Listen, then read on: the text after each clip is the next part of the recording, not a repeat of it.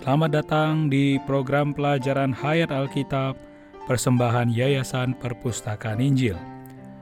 Saudara Witness Lee adalah seorang hamba Tuhan yang telah melayani selama lebih dari tujuh dekade. Dia mencapai puncak ministrinya dengan menerbitkan penafsiran seluruh Alkitab selama 21 tahun yang dia sebut pelajaran hayat. Pelajaran hayat inilah yang menjadi dasar bagi program kita hari ini dan mencakup sebagian dari berita yang disampaikan oleh saudara Witness Lee. Sekarang, marilah kita bergabung dengan program hari ini. Kita perlu dilindungi untuk kepentingan Allah, tujuan Allah, yang adalah roman ilahi itu. Kita bisa menjadi bejana-bejana yang dipersiapkan oleh Allah agar Tuhan dapat melatih, memenuhi, dan memakai kita untuk menggenapkan kedambaan hatinya, yaitu untuk mendapatkan seorang mempelai perempuan, seorang istri untuk kekekalan. Selamat datang di pelajaran Hayat Alkitab bersama saudara Witness Lee. Baiklah, hari ini kita masih membahas bagian awal dari kitab Roma, dan saudara Gumulya telah berbaik hati mau bergabung bersama kita lagi untuk bersekutu lebih banyak. Itu karena Anda telah berbaik hati untuk mengundang saya kembali ke sini. Terima kasih.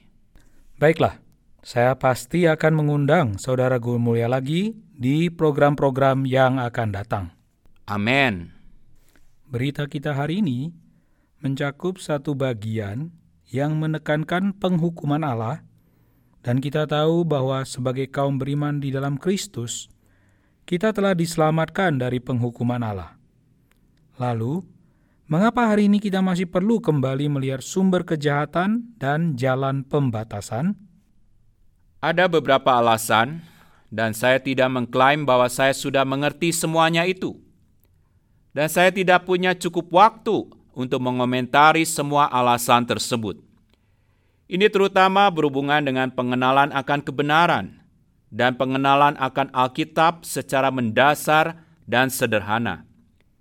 Ini adalah bagian dari kitab Roma. Kita tidak berhak untuk mengambil dan memilih ayat-ayat Alkitab yang kita sukai saja. Kita perlu membaca secara berurutan dan memahami dalam terang ilahi apa saja yang tertulis di dalam Alkitab. Ini adalah bagian dari kitab Roma yang perlu kita hormati. Tetapi ada alasan yang lebih dalam untuk mempelajari bagian ini secara penuh. Salah satu alasannya adalah untuk menambah pengenalan kita akan kondisi kita yang jatuh.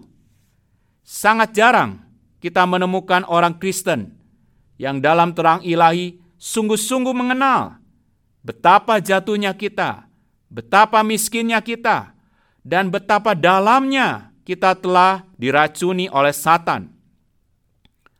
Bagian ini memperlengkapi kita dengan pengenalan yang lebih tinggi tentang diri kita sendiri. Dan ini akan membuat kita lebih mengapresiasi harga yang telah Allah bayar dalam Kristus untuk menebus kita. Manfaat lainnya adalah untuk membantu kita memahami sifat masyarakat hari ini dan tidak bermimpi untuk mendatangkan dunia yang sempurna dengan masyarakat yang sempurna. Saya juga percaya bahwa hal ini akan membantu kita yang melayani orang-orang muda untuk menyadari bahwa sebelum mereka beroleh selamat dan bahkan setelah beroleh selamat pun mereka memerlukan pemeliharaan dan pembatasan sebagai orang tua yang memiliki dua orang anak, saya mengakui bahwa anak-anak saya dilahirkan dengan sifat dosa. Tetapi saya tidak mengizinkan mereka untuk bertindak sembarangan menurut sifat dosa mereka.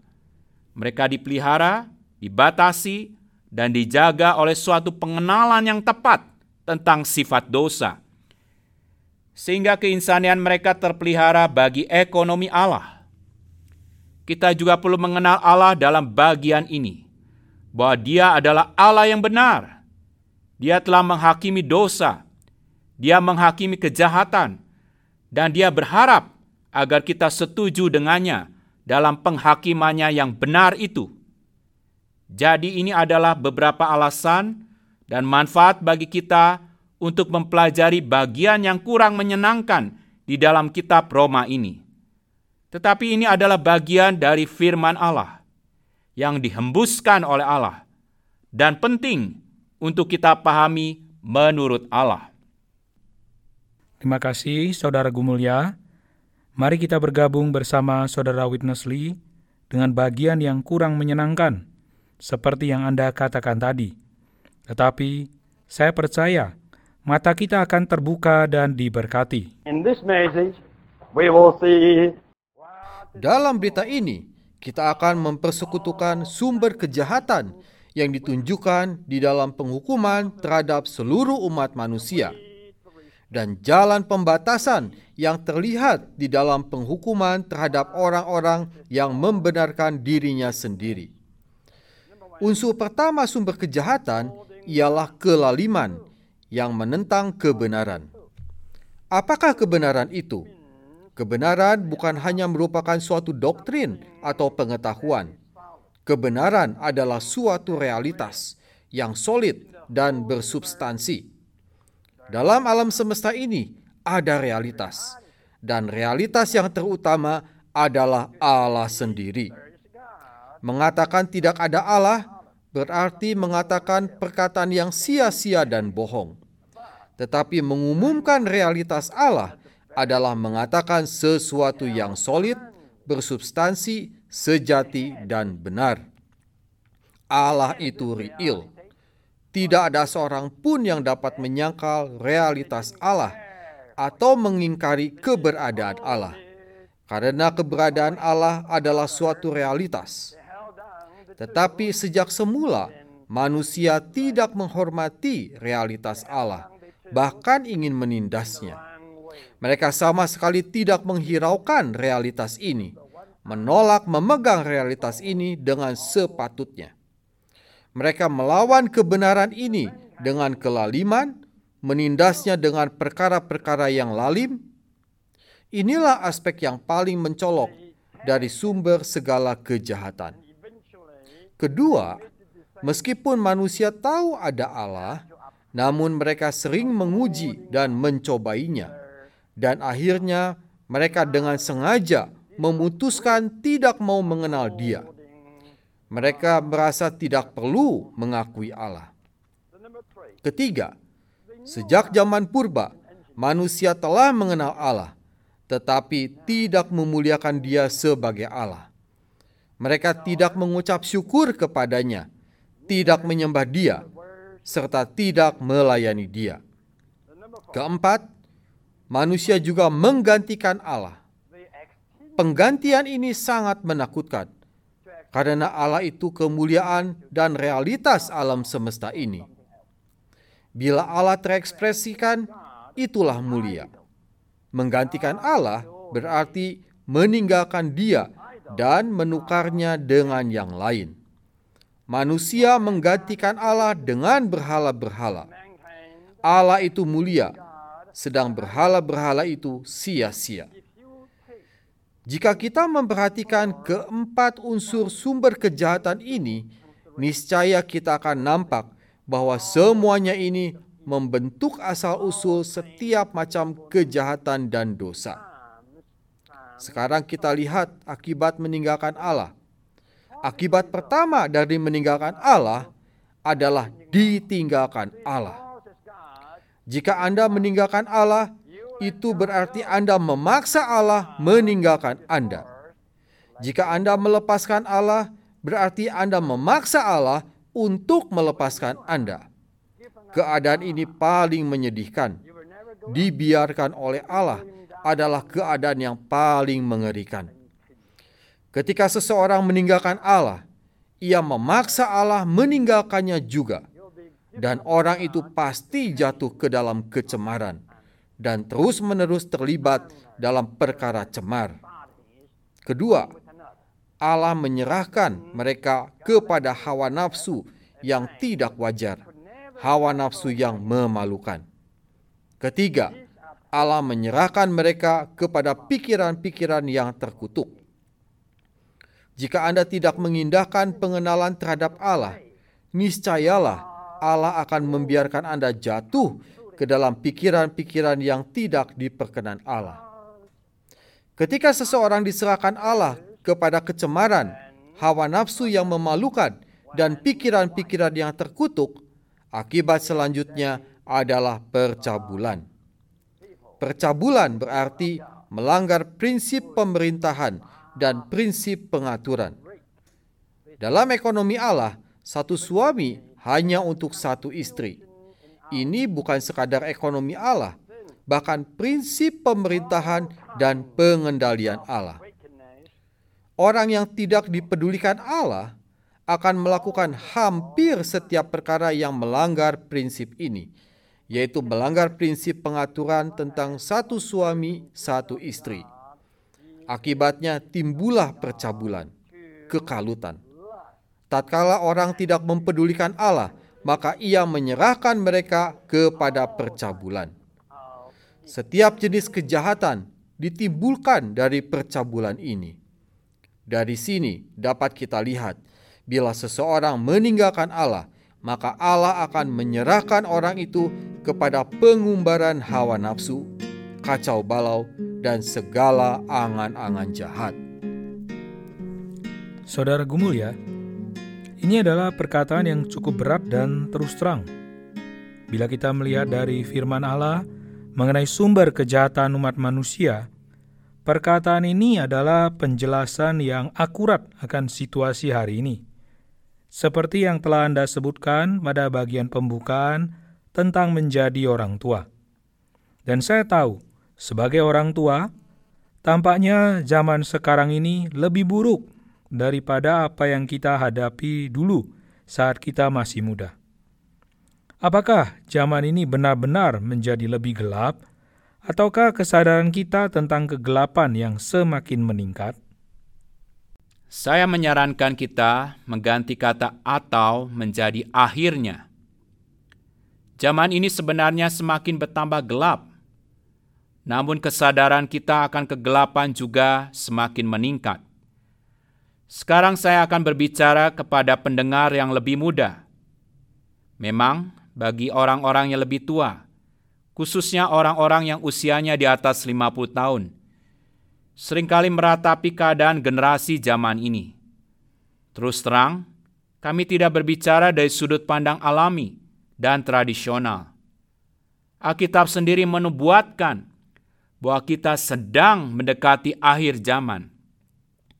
Bahkan pelanggaran hukum dan kejahatan akan meningkat. Tuhan berkata bahwa seperti halnya pada zaman Nuh, Demikian juga halnya pada hari-hari kedatangan Anak Manusia. Para pembuat kejahatan akan semakin buruk dan semakin parah. Jadi, kita mempunyai dasar untuk mengatakan bahwa zaman ini bertambah gelap, dan kita mempunyai dasar untuk mengatakan bahwa kesadaran kita akan kegelapan semakin meningkat.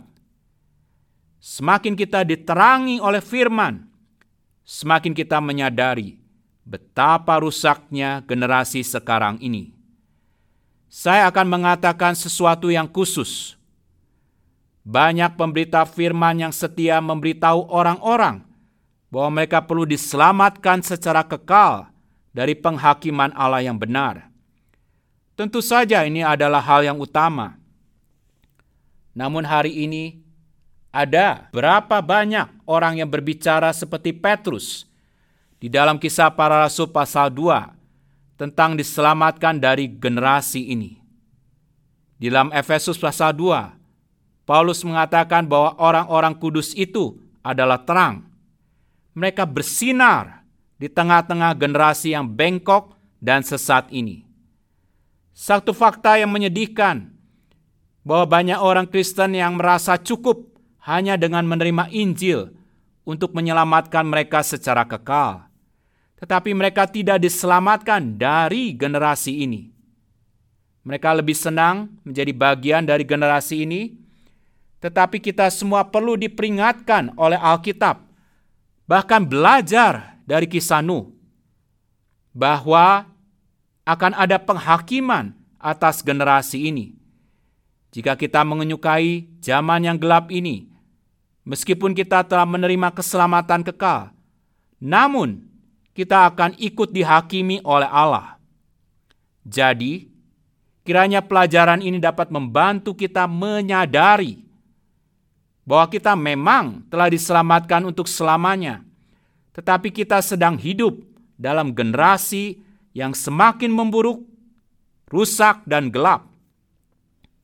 Kita sendiri perlu diselamatkan, dan kita juga perlu membantu orang lain, khususnya orang-orang muda, agar diselamatkan bukan hanya dari lautan api, tetapi juga diselamatkan dari generasi yang bengkok dan sesat ini.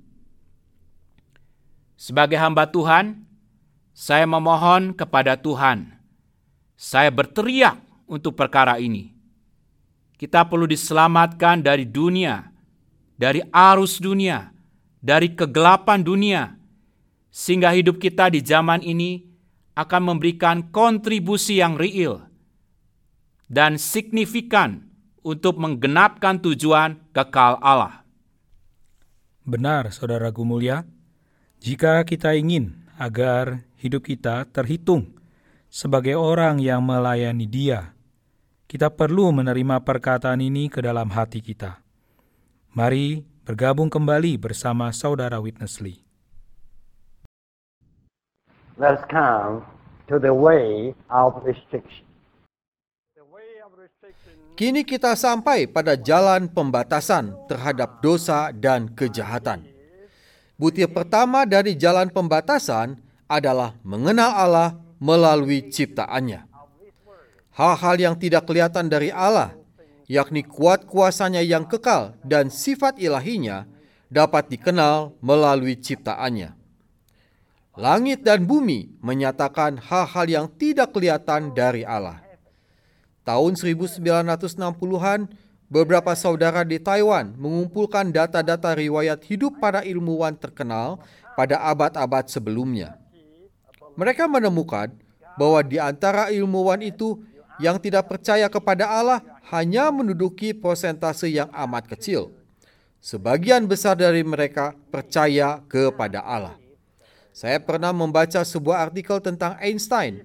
Ia ditanyai apakah ia percaya kepada Allah. Jawabnya, pertanyaanmu berarti penghinaan terhadapku. Bagaimana mungkin seorang ilmuwan seperti aku tidak percaya kepada Allah? Jika Anda mempelajari ilmu pengetahuan, pengetahuan itu akan menunjukkan kepada Anda adanya Allah. Meskipun saya tidak tahu banyak tentang ilmu pengetahuan, tetapi sedikit banyak saya mengenal tubuh manusia. Seringkali ketika saya berkhotbah tentang Allah, saya meminta pendengar memperhatikan anggota tubuh mereka. Saya bertanya kepada mereka, renungkanlah betapa ajaibnya tubuh Anda. Siapa yang menciptakan itu? Pernahkah Anda memikirkan tentang fungsi alis mata kita? Alis berfungsi sebagai tanggul penahan peluh agar jangan mengalir ke dalam mata. Siapa yang merancang ini? Semua ini sungguh menakjubkan. Siapa yang menjadikan itu?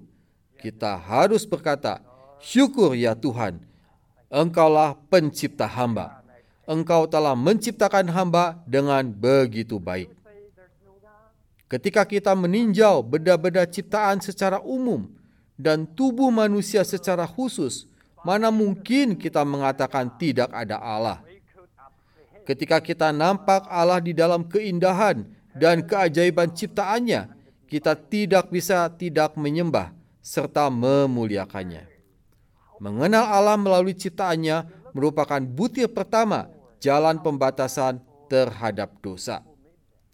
Kita harus memelihara kebenaran Allah di dalam keadilan, mengindahkan pengenalan yang sempurna akan Dia. Kita perlu bersyukur kepada Allah, memuliakan, menyembah, dan melayani Dia.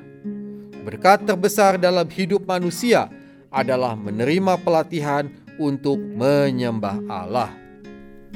Baiklah, Saudara Gumulia, dalam bagian ini kita melihat cara untuk dibatasi secara efektif, yaitu mengenal Allah melalui berbagai realitasnya yang ternyatakan.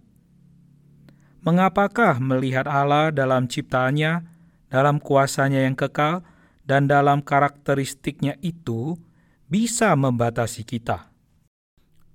Sebagaimana hampir semua orang tahu, Alkitab mengatakan lebih dari sekali bahwa takut akan Allah adalah permulaan hikmat. Menurut penjelasan di dalam kitab Roma, kejatuhan dimulai ketika orang mengabaikan kebenaran Allah dan kemudian melanggar hati nuraninya. Sebaliknya, jika kita mengakui kebenaran dasar tentang Allah dan menjaga hati nurani kita, maka kita dapat terpelihara misalkan kebenaran mengenai Allah sebagai pencipta. Kita bukanlah hasil evolusi. Kita bukanlah makhluk yang bisa menentukan takdir kita sendiri. Kita diciptakan oleh Allah. Allah juga adalah hakim yang benar. Kita perlu menyadari bahwa kita akan menghadapi penghakimannya. Kita juga perlu melihat bahwa Allah itu elok dan bahwa Allah itu penuh kasih dan ia ingin menarik kita untuk menyembah dia dan menjadi satu dengan dia. Ini hanyalah sedikit dari atribut Allah yang diwahyukan secara umum melalui ciptaan Allah. Jika kita mengakui bahwa Allah itu ada, bahwa kita memerlukan Allah, bahwa Dia adalah Allah yang kudus, dan bahwa Dia adalah Allah yang menghakimi dengan benar, yang membenci kejahatan. Namun pada saat yang sama, dia adalah Allah yang elok dan penuh kasih. Tentunya ini akan memelihara kita dan membatasi kita. Selain itu, kita juga perlu menyadari bahwa Allah menciptakan kita dengan suatu kemampuan yang disebut hati nurani yang ada di dalam roh insani kita. Pada saat kita berada dalam kondisi yang jatuh, sangat penting bagi kita untuk memperhatikan hati nurani kita. Jika kita memperhatikan Allah yang ada di luar kita dan hati nurani yang ada di dalam kita, kita akan terpelihara. Oh, saat kita membesarkan anak-anak kita dan merawat mereka, kita perlu melawan arus zaman ini dan mengajar mereka tentang Allah dan mengajar mereka tentang hati nurani mereka.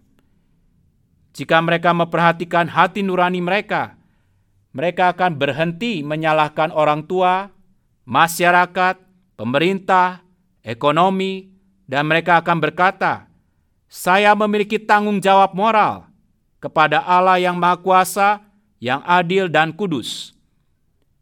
Alkitab memberitahu saya demikian dan hati nurani saya mengatakan yang sama. Saya tidak bisa mengikuti arus zaman ini. Saya harus memperhatikan pencipta saya, mengingat, mengingatnya di masa muda saya. Dan saya harus menjaga hati nurani saya, agar saya dapat terpelihara dan terjaga baginya. Dan hidup saya terhitung untuk melaksanakan ekonominya. Terima kasih Saudara Gumulya.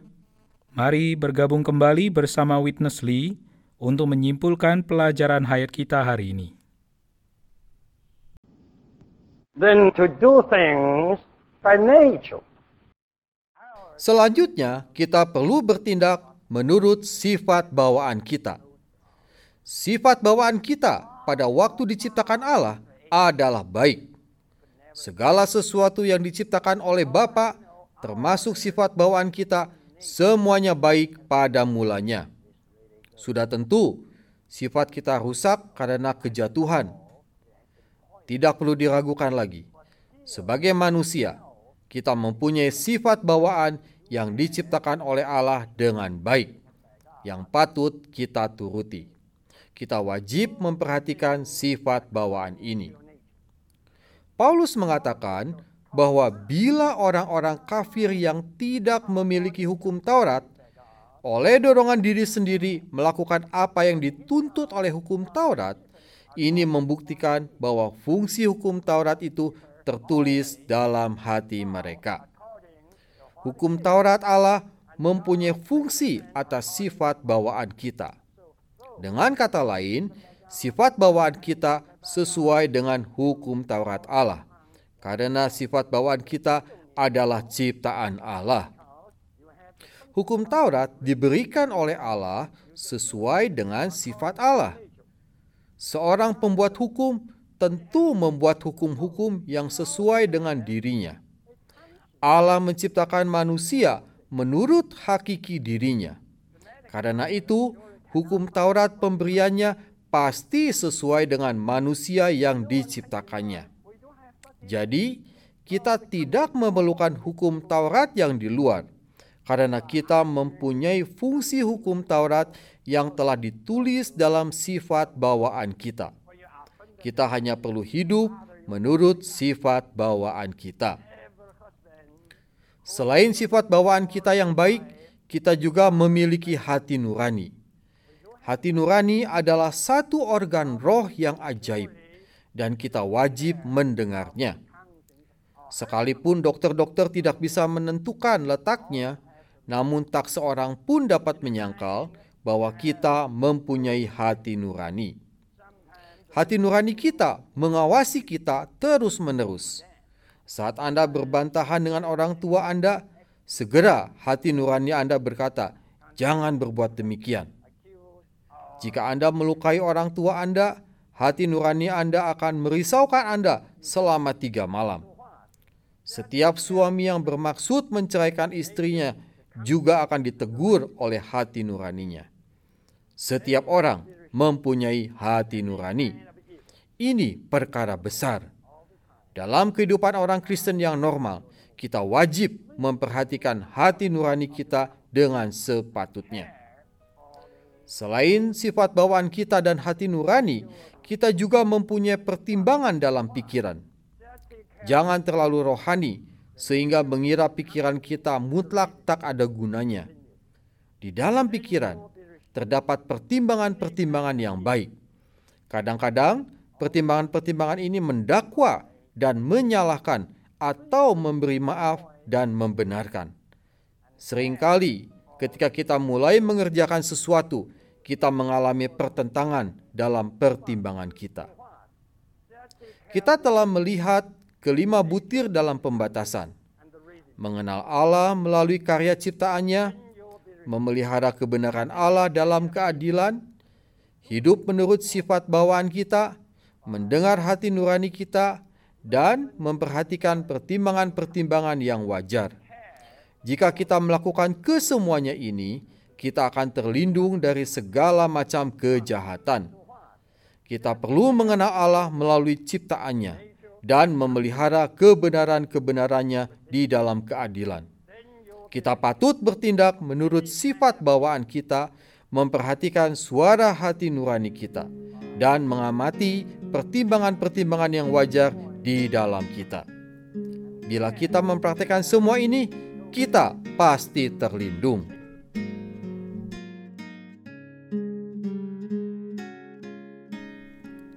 Saudara Gumulya, perkataan hari ini adalah tentang dipelihara, dibatasi, dan dilindungi.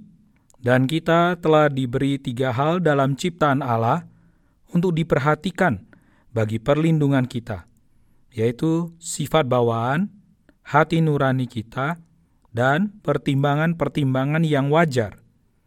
Tapi kita tahu bahwa keselamatan adalah melalui percaya ke dalam Dia secara batiniah. Lalu, mengapa kita membutuhkan faktor-faktor yang luaran itu untuk melindungi kita? Mengenai hal ini, saya ingin menyampaikan satu hal yang dilindungi dan dipelihara adalah manusia lahiriah kita. Satan tahu bahwa dia tidak dapat secara langsung menyerang Allah. Kemarahan Satan dan rencana jahatnya diarahkan kepada manusia yang telah diciptakan menurut gambar Allah untuk tujuan Allah. Maksud Satan adalah untuk merusak bejana-bejana insani yang diciptakan oleh Allah dan bagi Allah ini. Kita telah dilahirkan dengan sifat dosa. Tidak ada yang bisa kita lakukan untuk hal ini. Namun, masih ada bagian ciptaan Allah yang sangat penting, yaitu sifat bawaan kita, yang harus dilindungi dan dipelihara semaksimal mungkin. Sehingga pada saat seseorang itu diselamatkan, Allah mendapatkan manusia yang telah terpelihara dan terlindungi untuk bekerja sama dengan Allah. Kita memang terlahir dalam dosa, namun kita tidak boleh menyerahkan diri kita pada dosa, menjadi kacau dan tercemar, dan bahkan mungkin hancur, dirusak oleh dosa. Jadi, oleh sifat bawaan kita yang diciptakan oleh Allah, oleh hati nurani kita, dan oleh pertimbangan-pertimbangan yang wajar, kita dapat dilindungi. Sehingga bagi kepentingan Allah, demi roman ilahi itu, kita bisa menjadi bejana-bejana yang terpelihara, yang dapat dilatih, dipenuhi, dan digunakan oleh Allah untuk menggenapkan hasrat hatinya, yaitu untuk mendapatkan mempelai perempuan, seorang istri untuk kekekalan. Terima kasih, Saudara Gumulya. Itu adalah perkataan yang luar biasa. Ya, kita telah diselamatkan oleh kasih karunia, tetapi kondisi bejana kita yang harus kita persembahkan kepada Tuhan pada saat kita beroleh selamat itu sangat bergantung pada apakah kita memperhatikan perkataan hari ini atau tidak. Di depan kita masih ada perjalanan yang luar biasa dari kitab Roma, dan kami berharap Anda tetap bergabung bersama kami di sini. Terima kasih Anda telah mendengarkan pelajaran Hair Alkitab bersama Witness Lee yang dipersembahkan oleh Yayasan Perpustakaan Injil. Yayasan Perpustakaan Injil didedikasikan untuk pekerjaan Watchmeni dan Witness Lee, dua hamba Tuhan dari Tiongkok. Setelah Perang Dunia Kedua, Watchmeni mengutus Witness Lee untuk melaksanakan ministry ini di Taiwan. Kemudian, Tuhan menuntun Witness Lee ke Amerika Serikat dan akhirnya ke seluruh dunia sebelum meninggal pada tahun 1997. Yayasan Perpustakaan Injil telah menerbitkan banyak buku dari Watchmeni dan Witness Lee dalam bahasa Indonesia. Buku-buku ini juga tersedia dalam lebih dari 50 bahasa lainnya. Untuk mengetahui lebih lanjut mengenai pelajaran Hair Alkitab terbitan Yayasan Perpustakaan Injil, silakan mengunjungi situs web kami di pelajaranhayat.com. Terima kasih telah mendengarkan.